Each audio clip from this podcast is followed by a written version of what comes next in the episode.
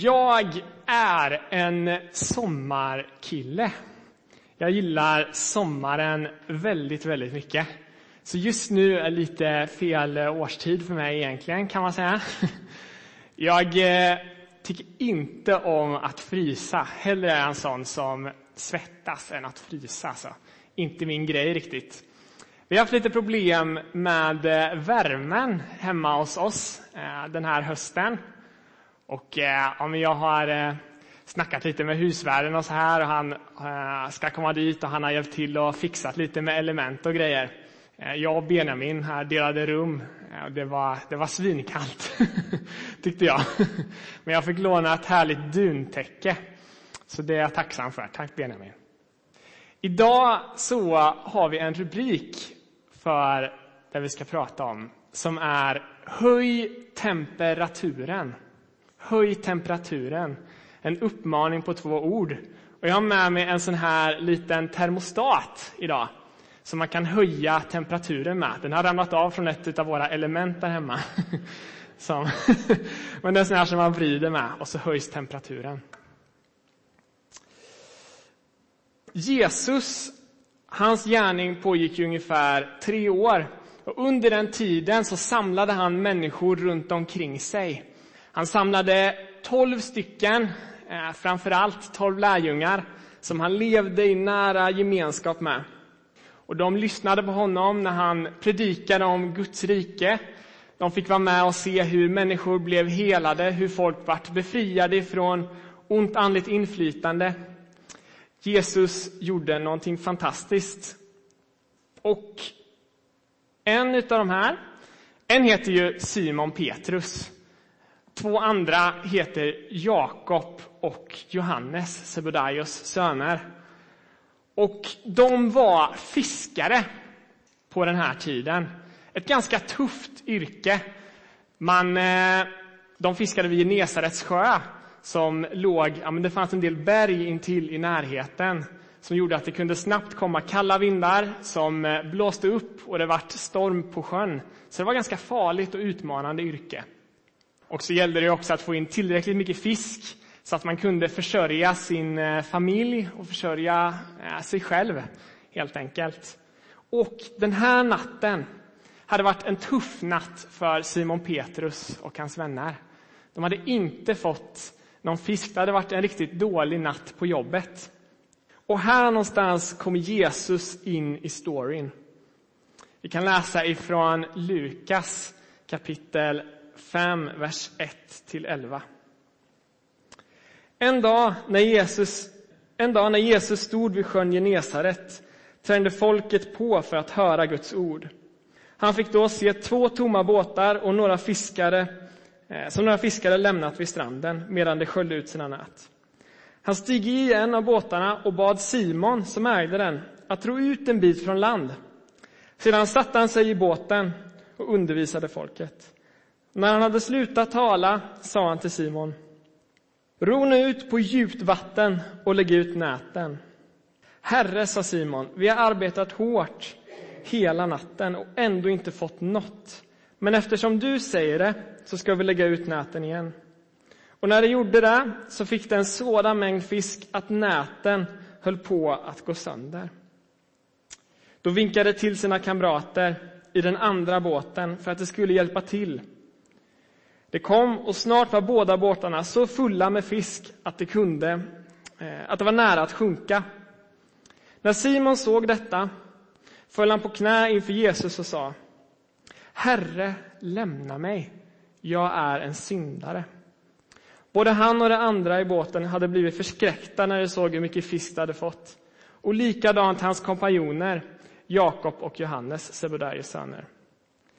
Men när Jesus sa till Simon Eh, men Jesus sa till Simon, var inte rädd, från och med nu ska du fånga människor.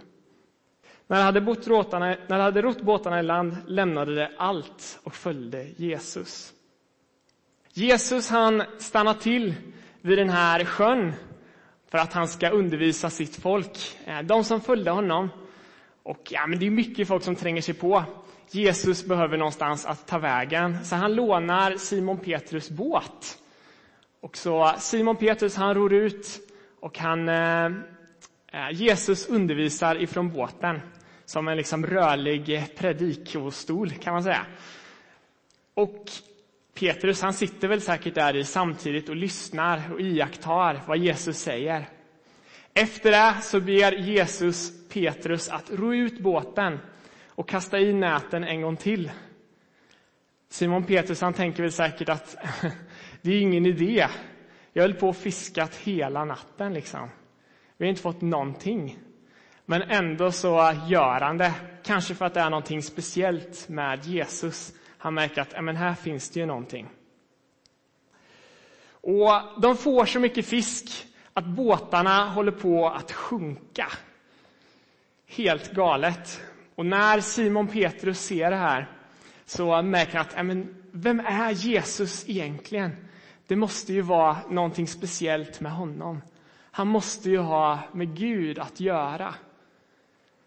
Och han ber Jesus att lämna honom. För han kanske kommer att tänka på allt det där som han har gjort i sitt liv. Alla människor som han har sårat.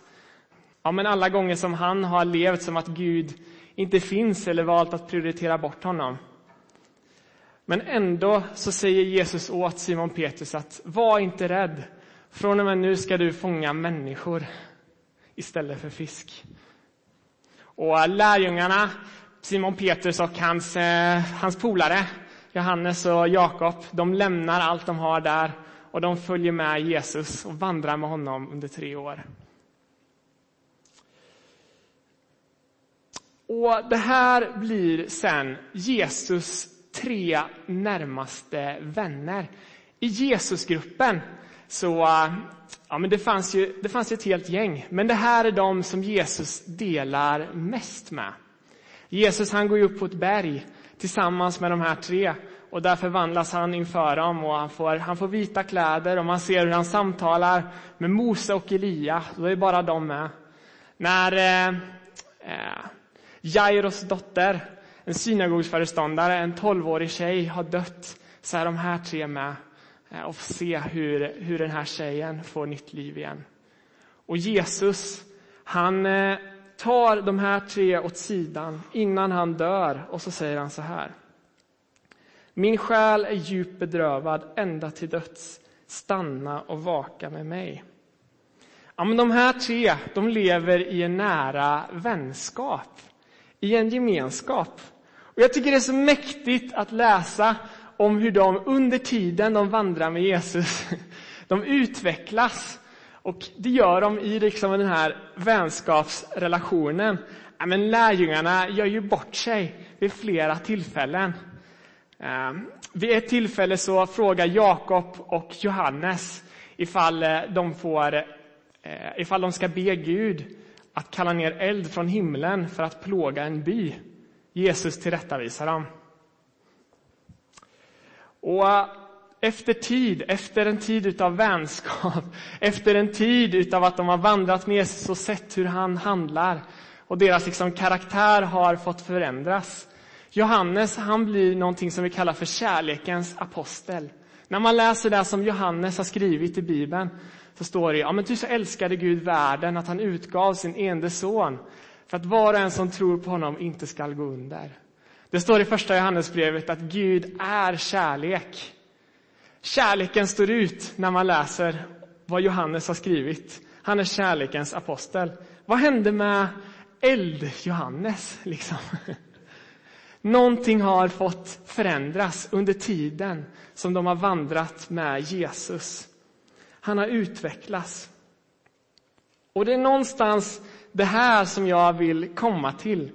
Att på en plats där man lever i nära gemenskap med, med andra kristna, i en församling och eh, när man lever nära Gud själv, i en vänskap till Gud själv, där arbetar Gud gärna där gör han någonting.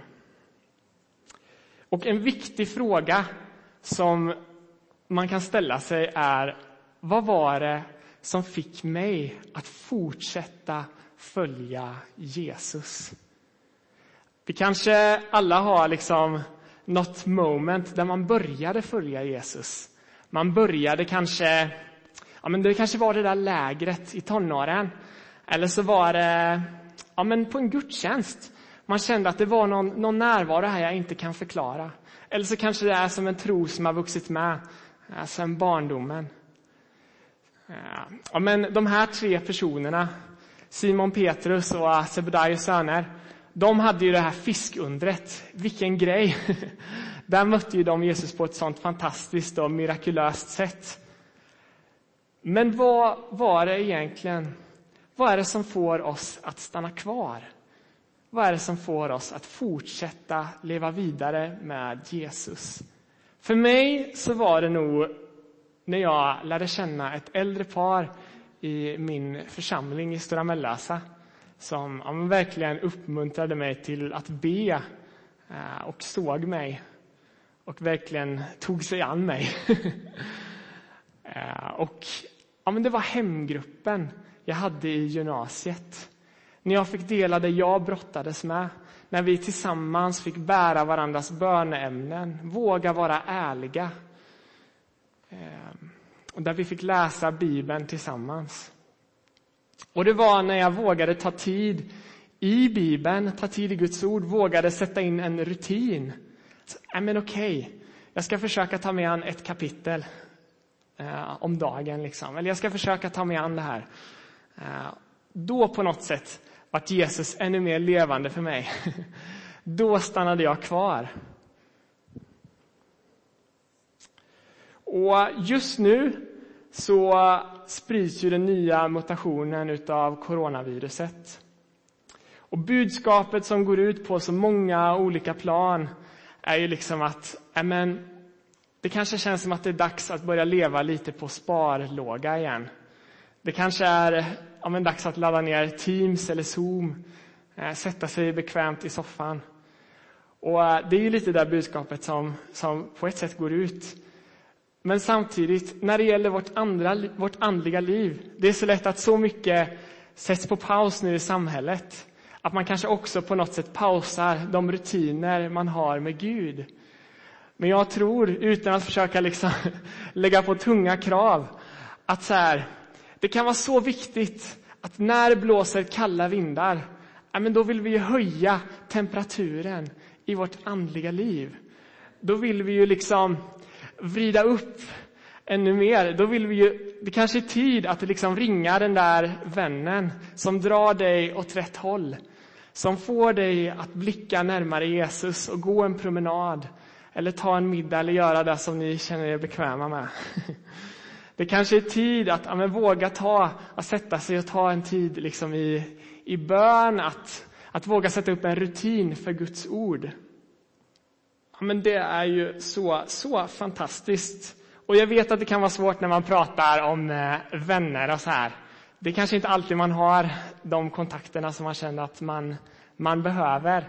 Men våga utnyttja den verksamheten som vi får ha här i, i kyrkan och bygga vänskap där. Och om du är med här i församlingen och varit med ett tag och känner att äh, men jag har ett bra kontaktnät. Jag känner många och jag har fina relationer med många. Kanske våga bjuda med till en, en hemgrupp ifall du tror att någon inte har en hemgrupp. Eller har du ett köksbord där hemma? Ja, men våga bjuda in till middag efter en gudstjänst. Det är fantastiskt att vi får möjligheten att höja temperaturen. Den första kristna kyrkan levde i en väldigt nära gemenskap med varandra. När den helige Ande föll på pingstdagen i Apostlagärningarna 2 så var liksom en direkt konsekvens av det var gemenskap. Vi kan läsa ifrån Apostlagärningarna kapitel 2, vers, 2, vers eh, 44 till 47. Alla de troende var tillsammans och hade allt gemensamt. De började sälja sina egendomar och ägodelar och delade ut eh, till alla efter vars och ens behov. Varje dag var det troget och enligt tillsammans i templet. I hemmen bröt de bröd och delade måltid med varandra i jublande innerlig glädje. De prisade Gud och var omtyckta av hela folket. Och Herren ökade var dag den skaran som blev frälsta. När den helige Ande faller så händer någonting med människors identitet. Helt plötsligt är liksom inte bara en stor anonym massa, utan vi har vår identitet rotad i Gud. Vi hör ihop och vi behöver varandra. Det är det här lite grann som vi längtar efter, som vi läste om nu, hur fler människor kommer till tro, hur vi liksom får enhetligt hålla ihop tillsammans, hur vi får ära Gud tillsammans med våra liv. Och vi har ju pratat lite grann om att äh, framöver, vår längtan är att om, om några år så ska vi ha 400 personer här på gudstjänst.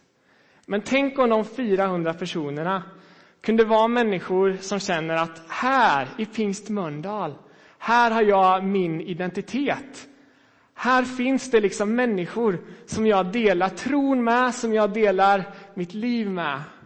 Här, liksom, med de här människorna får jag ära Gud tillsammans med dem. Det hade varit så fantastiskt att tillsammans så hör vi ihop. För några veckor sedan så hade vi en övernattning här i kyrkan.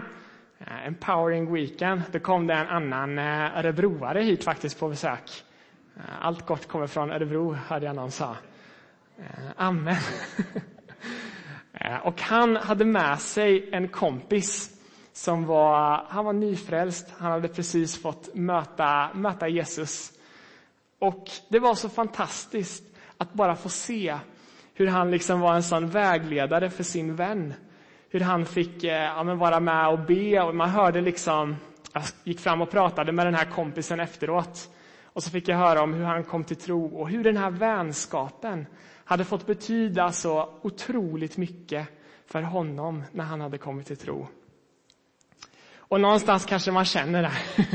Man stod liksom där, det var ungdomsmöte, man hade resurser och man hade skaffat, ordnat predikan och skaffat folk till det ena och det andra. Och så ser man det här och vad liksom en vänskap får betyda. Och man bara, men hjälp! Har jag inte fattat det här? Det är så häftigt på något sätt. För en stund kunde jag tänka så. Det är underbart med, med möten och hela den grejen med. Men någonstans tror jag att liksom det absolut finaste man kan vara för en människa, det är att vara en vän. För det var så Jesus arbetade. Det handlar om möjligheten att vara en termostater. En som ändrar temperaturen. Det är så lätt att man kanske tittar på någon annan och tänker att men du och du kan göra det här. Men vi alla har möjligheten att bjuda in till en gemenskap. Vi alla har möjligheten att peka på Gud. Har du ett köksbord där hemma, men då har du möjligheten att bjuda in någon till det. Har du ett, har du, kan du gå en promenad, så gör det. Det är ju fantastiskt på något sätt att vi kan få vara med och dela det med andra. Det var så här Jesus arbetade. Han säger själv i eh, Johannes 15, vers 13 16. Det finns ingen större kärlek än att man offrar sitt liv för sina vänner. Ni är mina vänner och ni gör det jag befaller er, säger han till sina lärjungar. Jag kallar er inte längre tjänare, för en tjänare vet inte vad hans herre gör. Jag kallar er vänner, för jag har fått veta allt vad jag har hört om min fader. För ni har fått veta allt vad jag har hört om min fader. Vid den sista måltiden så är lärjungarna så pass bekväma med Jesus att det står att Johannes han lutar sitt huvud bak mot Jesus bröstkorg och vilar sig mot hans bröst. Det är liksom, då är man nära vänner. Då har man gått förbi den här äh, comfort zonen. Då har man på något sätt eh, ja, men gått förbi, vad ska man säga, den personliga sfären. Det är inte alla man känner sig så pass bekväm med, att man kan vara så nära. Och det här är en berättelse om hur tre personer som var enkla fiskare, hur Simon Petrus som inte ens liksom hade ville inte ha någonting med Jesus att göra i början för att han tänkte att men jag har gjort så mycket fel. Hur tre personer kunde bli ledare för den kristna kyrkan. Hur Gud använde dem. En annan grej som kan vara så viktig för att höja temperaturen i vårt andliga liv, ja, men det är ju som jag redan sagt, rutinen med Guds ord. Det står i psalm 1, vers 1-4. Saliga det som inte eh, följer det gudlösas råd, som inte går in på syndarens väg och sitter bland föraktare, utan har sin glädje i Herrens undervisning och som begrundar hans ord både dag och natt. Han är som ett träd planterat vid vattenbäckar och bär sin frukt i rätt tid, vars löv inte vissnar. Och allt han gör, det lyckas väl. Sådana är inte de gudlösa, det är som agnar som skingras för vinden. Rutin med Bibeln är livsförvandlande. I början av Johannes evangeliet står det att begynnelsen var ordet och ordet var hos Gud och ordet var Gud. När vi tar tid med ordet, då är det ett sätt för oss att ta tid med Gud själv. När vi försöker förstå vad är det som står här egentligen. Ja, men det, det, kan, vara, det kan vara så livsförvandlande. Och, eh, ja, men jag, gör, jag gör som sagt inte det här för att lägga på liksom en hög utav bibelläsningskrav. Men jag tror att det kan vara nyttigt att kanske pröva att utmana sig själv, att sätta upp ett mål. Ja, men jag, jag ska försöka läsa, läsa Markus evangeliet den här månaden. Eller jag ska, jag ska ta med en, en vers eh, om dagen, eller ett kapitel om dagen, eller vad det än må vara. Eller jag ska, liksom, jag ska se till att skapa en grupp där jag läser Bibeln tillsammans med andra. Det är fantastiskt, tycker jag. Och ibland i en vänskap så kan det ju bli lite fel.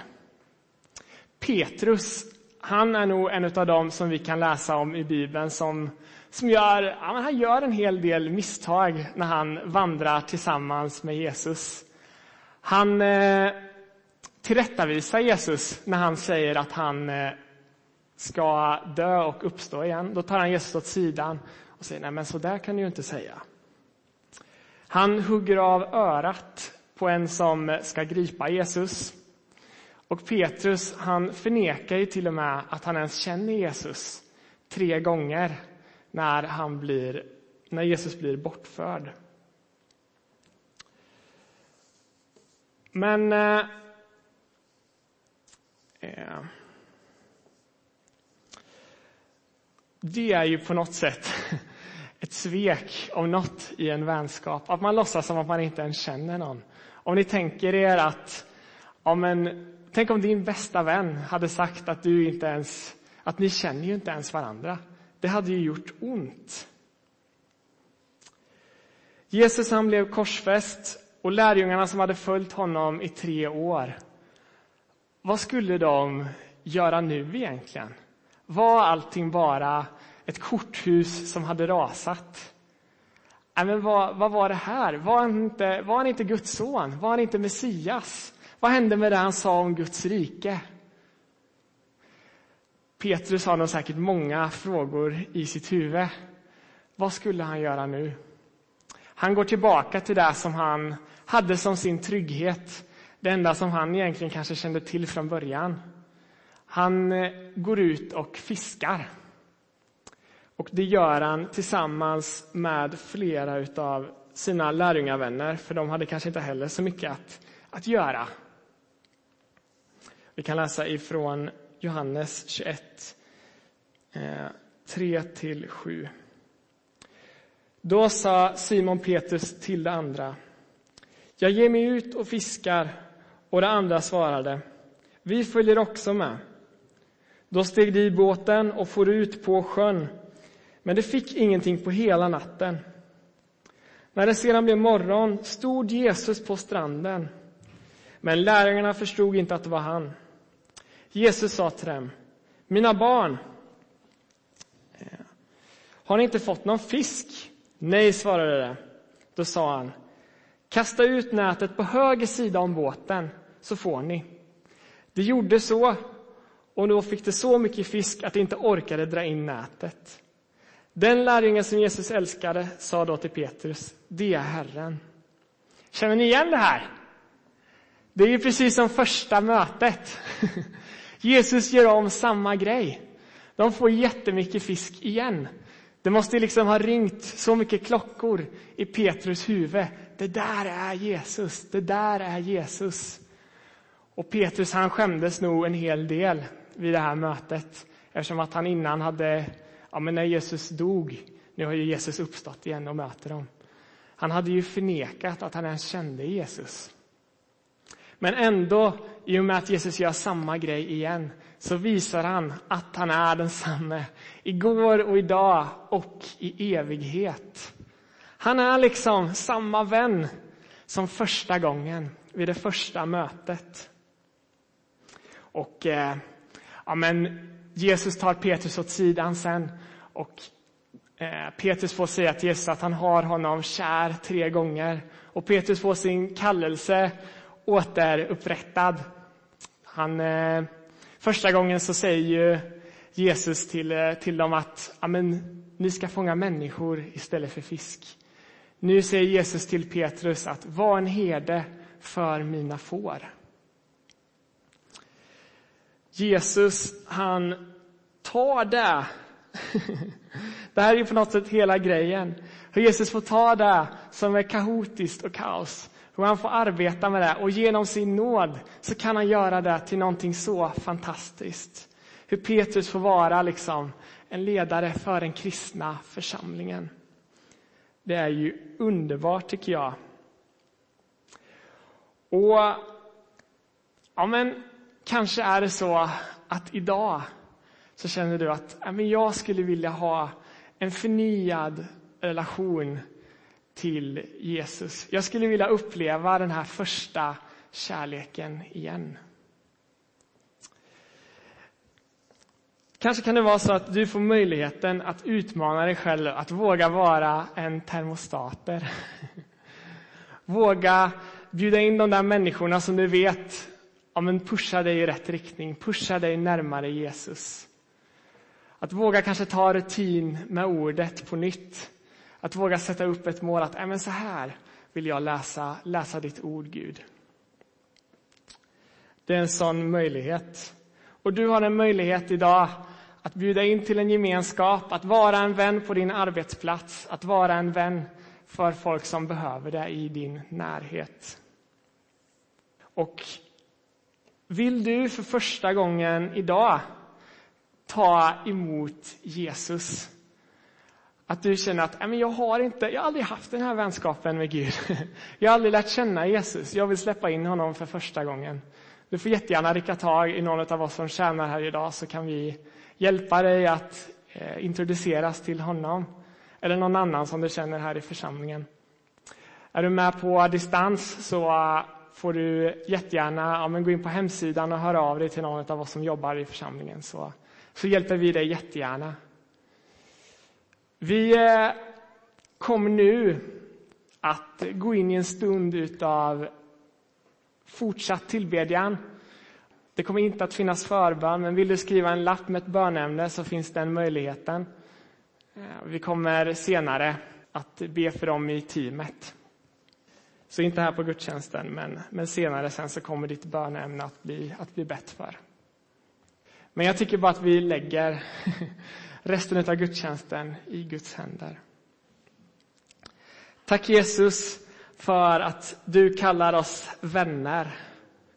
Tack för att vi får vara dina, att vi har vår identitet rotad i dig, Gud. Tack för möjligheten att höja temperaturen i vårt andliga liv, att vi får vrida upp termostaten Jesus, du ser alla i den här församlingen. Du ser alla som känner att det här är mitt hem. Du ser alla som kanske känner att, äh, men vad är det här för ställe? Man kanske är för första gången eller för eh, ja, men många gånger på länge och någonstans känner att äh, men jag, jag har svårt att känna mig hemma. Jesus, jag bara ber att varje person ska känna att det här är, det här är mitt hem. här är mitt hem på jorden. Tack Jesus att du är fantastisk. Vi fortsätter att tillbe en stund. Och eh, ja, men känn dig fri i lovsången. Vill du stå upp, gör det. Lyft dina händer. Vill du gå ner på knä, så gör det. Känn dig helt fri inför Gud. Där den helige Ande är, där är frihet. Amen.